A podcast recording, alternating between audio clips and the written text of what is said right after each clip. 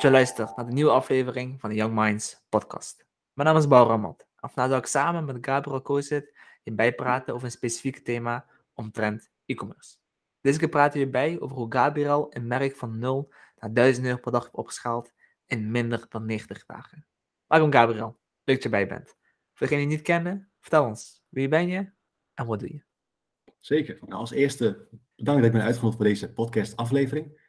Uh, nou, mijn naam is Gabriel. Ik werk binnen Young Metrics uh, als marketing teamlead.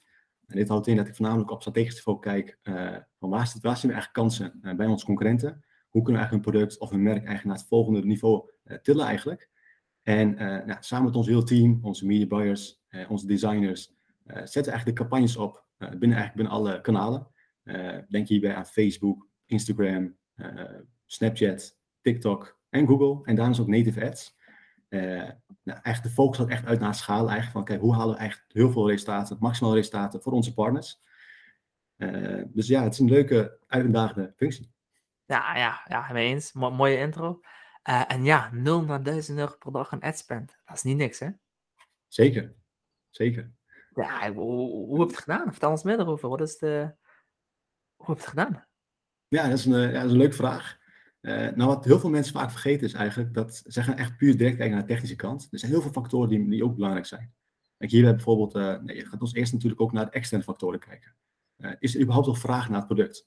Kijk, je, kan wel een campagne opzetten met een laag budget en, en je houdt een mooie ROAS eigenlijk. Maar op het er weinig vraag naar, wanneer er weinig vraag is naar het product, op het moment dat je een hoger budget gaat inzetten, je gaat schalen, dat gaat niet worden. Dus ja, onderzoek de markt eigenlijk. Uh, wat is het productlevenscyclus? Uh, is er al marktverzadiging opgetreden? Uh, wat doen de concurrenten? Analyseer de concurrenten eigenlijk. wat voor producten gebruiken zij? wat zijn de verkoopprijzen? Wat voor acties gebruiken ze? Dus echt ook puur naar de externe factoren kijken. En als je hier goed onderzoek naar hebt gedaan, dan ga ik echt puur kijken naar de technische kant. nou, wat ik zelf altijd doe is eigenlijk, ik ga heel veel testen in het begin. nou, ik test heel veel IB-tests uitvoeren. bijvoorbeeld nou, verschillende doelgroepen testen, eh, verschillende ad-copies eh, testen. Uh, er zijn verschillende teksten. Je kan heel breed denken. Je hebt van die testimonials teksten, mee als, als review eigenlijk. Als, als, je kan bijvoorbeeld Magic's install, een beetje agressief aanpakken. Dus door heel veel te testen kom je achter welke teksten het beste presteren. hetzelfde geldt voor advertentiematerialen. Uh, verschillende creatives. Je hebt static images. Dit is, werkt heel goed voor de retargeting. Daarnaast heb je natuurlijk heel veel video's. En uh, video's werken heel goed voor de prospects. Uh, vooral nu in deze tijd, uh, in 2022, in deze tijdperk zijn uh, video's, en vooral echt met name ook user-generated video's, werken gewoon heel goed. je hebt ook heel veel verschillende videotypes. je hebt testimonials, je hebt user-generated, je hebt unboxing video's, werkt heel goed voor de dure producten, dat iemand het product uitpakt. Je hebt testimonials video's eigenlijk, dus je wilt dus al deze verschillende creators, wil je dus heel veel gaan testen tijdens je testfase. Want dan weet je eigenlijk van welke video's presteren het beste, en dan ga je daar verder op focussen. Hetzelfde geldt natuurlijk ook voor de, ja, voor de doelgroepen. Nou, voor Google kun je kijken eigenlijk naar de keywords. Uh, binnen Facebook kun je kijken naar interesses. Uh, door heel veel te testen. En in combinatie natuurlijk ook goed die KPI's uh, lezen en begrijpen. Want anders weet je niet wat je moet gaan verbeteren. en dan kom je echt achter wat wel en niet werkt. Dus een beetje grote lijnen is een beetje de, fase die dan doorloopt eigenlijk. En, dan, nou, en daarnaast, op het je de winnende strategie hebt gevonden, kun je kijken tussen, ja, wat, wij, wat ik zelf altijd doe is eigenlijk, je kan horizontaal en verticaal opschalen wanneer je gaat hoortsnel afschalen, dan probeer je het budget dagelijks met 10 tot 20% verhogen. Waarom doe ik dit? Nou, op het dat je eigenlijk heel veel aan het testen bent, je hebt de juiste campagne gevonden uh, en je volgt het budget met meer dan 20%, dan reset je eigenlijk die machine learning systeem van Facebook. Dat wil je dus niet doen, want dan belemmer je eigenlijk het algoritme. Dat is natuurlijk heel zonde, want je wilt het echt zo snel mogelijk doorpakken. Nou, ziet alles er goed uit, ziet de data goed uit, je hebt de juiste, ja, je hebt de juiste campagne eigenlijk. Je denkt, weet je wat, laten we het agressief aanpakken. Nou, wat ik dan vaak doe, dan ga ik verticaal opschalen. Dan dupliceer de campagne, afhankelijk van de data van het product kan je natuurlijk ook een bied uh, of een cost cap opzetten. Dus verschillende biedingsstrategieën eigenlijk. En dan gooi je maar een paar duizend euro budget tegenaan. Uh, dus dat is een beetje een grote lijn hoe het wordt aangepakt. Ja, dat is super. Duidelijk, duidelijk verhaal. En de echte keyword hierin was testen. Testen, dat is echt de harde woord geweest. Want om even duidelijk te krijgen, dat was binnen 90 dagen.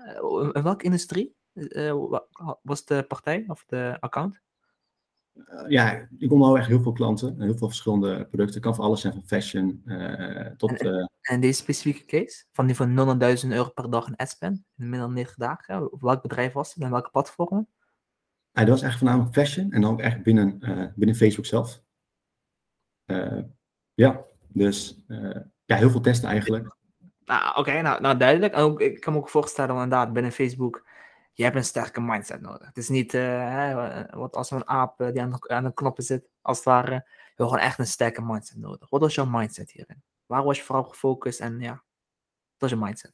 Ja, nou, een heel leuke vraag ook. En als belangrijkste is natuurlijk, je moet deze platforms begrijpen. Kijk, al deze platforms, Google, Facebook en ook alle andere social platforms, dit zijn eigenlijk bij wijze van spreken niks anders dan veilingssystemen. Uh, je moet dus eigenlijk je concurrenten eruit bieden. Uh, nou heeft Facebook zelf toevallig, voornamelijk in de afgelopen paar maanden, heel veel nieuwe updates uitgebracht.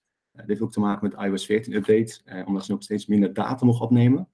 Dus ja, je wilt ze gaan kijken eigenlijk naar hoe haal je het maximale uit het algoritme. Je moet het algoritme echt goed begrijpen. bijvoorbeeld de machine learning systeem van Facebook, daar zijn ze nog heel veel aan het investeren eigenlijk. Dat wordt steeds belangrijker.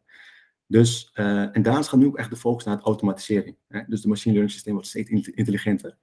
Uh, natuurlijk zit ook een aardig onder het gras. Want je moet wel begrijpen natuurlijk dat heel veel, doordat ze het eigenlijk allemaal simpeler maken, dus je hebt zeg maar drie uh, tikken op de knop, heb je eigenlijk een heel simpele campagne opgezet. Maar steeds meer mensen gaan eigenlijk ook campagnes opzetten. Nou, je moet je voorstellen, ja, je kan niet zeg maar met een simpele campagne kan je niet gaan opschalen. Dus je moet echt het algoritme, het systeem moet je goed kennen en daar moet je goed gebruik maken. Het zijn bepaalde KPI's, heel erg belangrijk, daar heb je op focussen.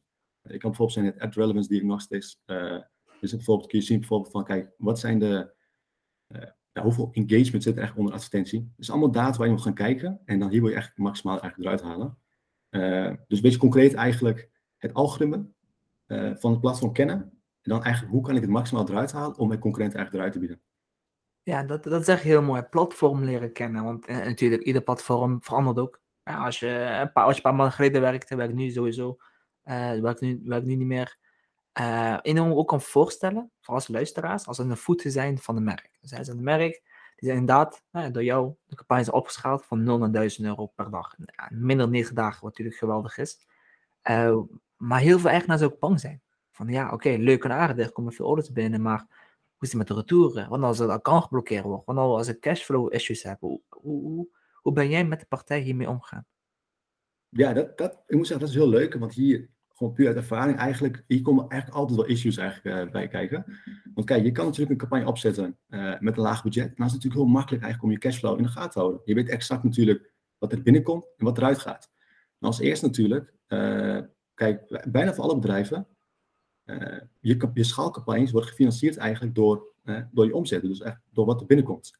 En kijk, bijna geen enkel bedrijf, die heeft zeg maar genoeg marketingbudget eigenlijk, dat zij zomaar laten we zeggen, je gaat, schalen. Dus je hebt zeg maar 5 tot 8.000 euro per dag budget. Nou, na 10, 20 dagen, dat telt het op. Zit je zo binnen een maand op bijna meer dan ton uh, spend. Dus die kun je niet natuurlijk met je standaard marketingbudget financieren. Dus uh, je moet dus, ja, het is belangrijk eigenlijk wat er binnenkomt, daarmee kun je dat financieren. Nou, wanneer de, retour, wanneer de budgetten laag zijn, zijn vaak de retour ook laag. Maar wanneer je gaat schalen, natuurlijk, de retour zullen ook gaan stijgen. En dit is vaak nog steeds, ondanks dat ik vaak aangeef aan onze partners, blijf je nog steeds eigenlijk altijd vergeten. En dan houden ze nog niet altijd rekening mee. En uh, ja, dit kan natuurlijk heel gevaarlijk zijn, want op dat je met hoge budgetten zit, de retours stijgen, uh, die moet je weer terugbetalen. Dan kun je waarschijnlijk niet meer de, de budget op Facebook betalen eigenlijk. En wat gebeurt er dan? We moeten gaan terugschalen. Uh, de campagnes moeten worden geposeerd. En als je niet die, die, die factuur kunt betalen binnen Facebook, kan het zelfs zijn dat je account wordt geblokkeerd. Zal natuurlijk heel zonde zijn op moment dat je de juiste campagnes die winstgevend zijn, je bent echt aan het opschalen. Terwijl het echt iets kleins is als retouren. Dus je wilt dus eigenlijk kijken van, kijk, hoe kun je die retouren laag houden? Heel erg belangrijk. Nou, als eerste natuurlijk, je moet een goede klantenservice hebben. Uh, daarmee verlaag ook de kans. Dus hoeft niet direct dat het product wordt teruggestuurd, als het geld moet terugstorten. En daar is natuurlijk ook het belangrijkste de productpagina zelf. Nou, wat we altijd vaak zien bij de meeste onze partners, de reden dat iemand iets terugstuurt, is omdat ze niet blij zijn met het product. Blijkbaar was de wat de verwachting was en wat ze uiteindelijk hebben ontvangen, dat komt niet overeen. Uh, en wat je hiervoor kan doen, is eigenlijk uh, de, de, de productpagina goed optimaliseren. Ja, je kan misschien ook je klanten echt vragen van, kijk, wat is de reden dat je het product terugstuurt? Het kan zijn dat uh, de productfoto's waren misschien niet duidelijk. Dus probeer betere productfoto's op de website te hebben. Daar is ook de copywriting. Hè? Dus informatie over producten. Hè? Probeer ook echt uh, probeer ook eerlijk te zijn. Uh, vooral ook met fashion. dus je kan ook gewoon best wel eigenlijk de nadelige aspecten van het product benoemen. Ja, weet je, klinkt raar, maar het is wel belangrijk. Bijvoorbeeld laten zeggen, bijvoorbeeld bij dit, bij dit product eigenlijk, ze zijn verkochte kleding. Nou, je kan gewoon duidelijk aangeven eigenlijk van, kijk, dit product valt groter uit dan normaal. Dan kunnen ze bijvoorbeeld in plaats van maat M, neem ze dan maat S. Dus hiermee verlaag je eigenlijk die kans op retour eigenlijk. En uh, als je die retour laag houdt, uh, is het dus makkelijk eigenlijk om de schaalcampagnes te financieren eigenlijk. Dan kun je gewoon doorpakken en doorgaan. Dan kun je gewoon echt blijven groeien. Uh, dus ja, kort samengevat eigenlijk, houd die retouren laag. Kijk van waar, waar is het probleem eigenlijk en probeer die, product, die productpagina's goed te optimaliseren eigenlijk. Ja, nou duidelijk. Heel mooi zelfs. Hoe je hebt uitgelegd met retouren. Het doet me denken aan een partij die, die had aangegeven van toen ze heel snel aan het opschalen waren, dus echt veel orders binnenkregen, dat ze op een dag echt met champagne aan het vieren waren. Ja, het gaat echt supergoed. En dan een uur later een palet aan retouren waren binnengekomen. Uh, wat aan het einde van de, van de week bleek echt 30% van de, van omzet te zijn. Want die onderschat ook echt de, de omzet. Ik kan me nog goed herinneren wat heel vaak mensen denken, ze doen het gewoon makkelijk. Blijven gewoon doorverkopen, al hebben we geen voorraad. Het gewoon lekker doorverkopen. En dan als het terugkomt, dan, uh, dan komt het wel goed het heel veel zijn. Als het besteld, dan doen we gewoon later pre-order aan de klant toesturen. Hoe kijk je hier naar? Hoe kijk je naar het pre-orderen? van dat mensen kunnen pre-orderen van je producten? Dit is een hele goede eigenlijk. Een pre-order, dan weet je precies eigenlijk, kijk, hoeveel vragen zijn naar het product eigenlijk, hoeveel wordt er besteld? En dan kun je op basis daarvan natuurlijk kun je vanuit je leverancier kun je meer inkopen. En daarnaast, wanneer de pre-orders worden gedaan, uh, de klant weet wel eigenlijk, oké, ik ontvang niet het product direct. Dus dit is eigenlijk een hele goede oplossing eigenlijk, om, om die kans op retour eigenlijk te, te, verkleinen. En dan weet je ook meteen wat, hoeveel vragen er is naar een product. Hele goede oplossing eigenlijk, en dat is echt top. Uh, zeker, ook vooral bij, bij schaalcampagnes Heerlijk zelf. Ja, nou, heerlijk. Nou, nou, dan moet een hapje van eten, zou ik zeggen. Um, en dan kijk je naar concurrentie. Ja, als je nou echt zegt van, oké, okay, je gaat schalen. Ja, als je zegt, je moet, je een veiligheidssysteem weten, je, je, biedt het eindelijk tegen andere concurrenten. Exact. Hoe ben je competitief gebleven? Hoe, ben je, hoe, zorg je dat je altijd een stap voor de concurrentie bent?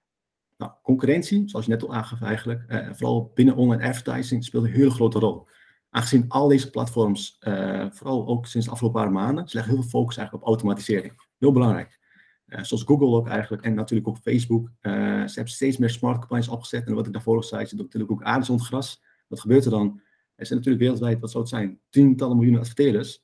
En door dit nou, kijk, je moet voorstellen, voor een, uh, voor een simpele eigen adverteerder die net binnenkomt, en die zit Google of Facebook Ads Manager eigenlijk, die denkt van, oké, dit, is, dit is vrij ingewikkeld.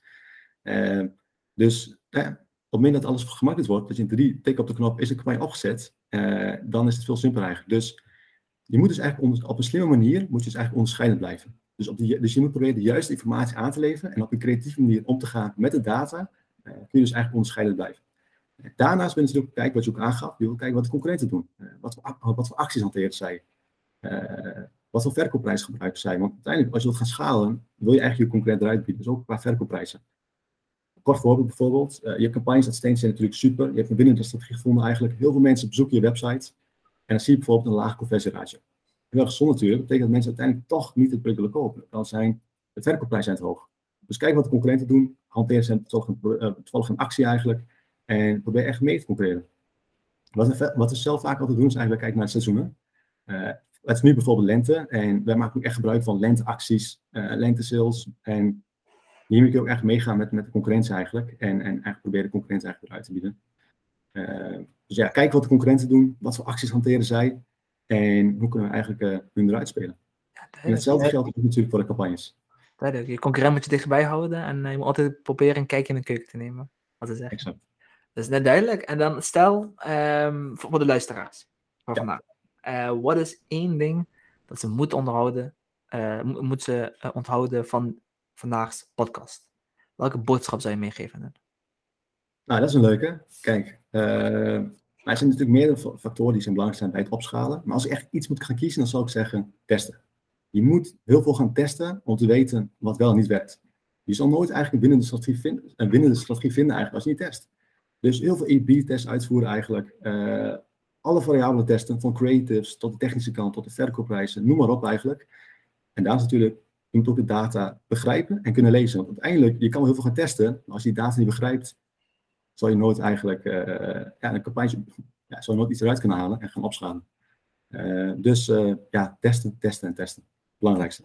Belangrijkste woord van vandaag. Testen. Ik denk, sommigen zullen zo van, van, van, wegrennen. Wat? Testen? Nee, ik heb genoeg getest. ik heb het gedaan.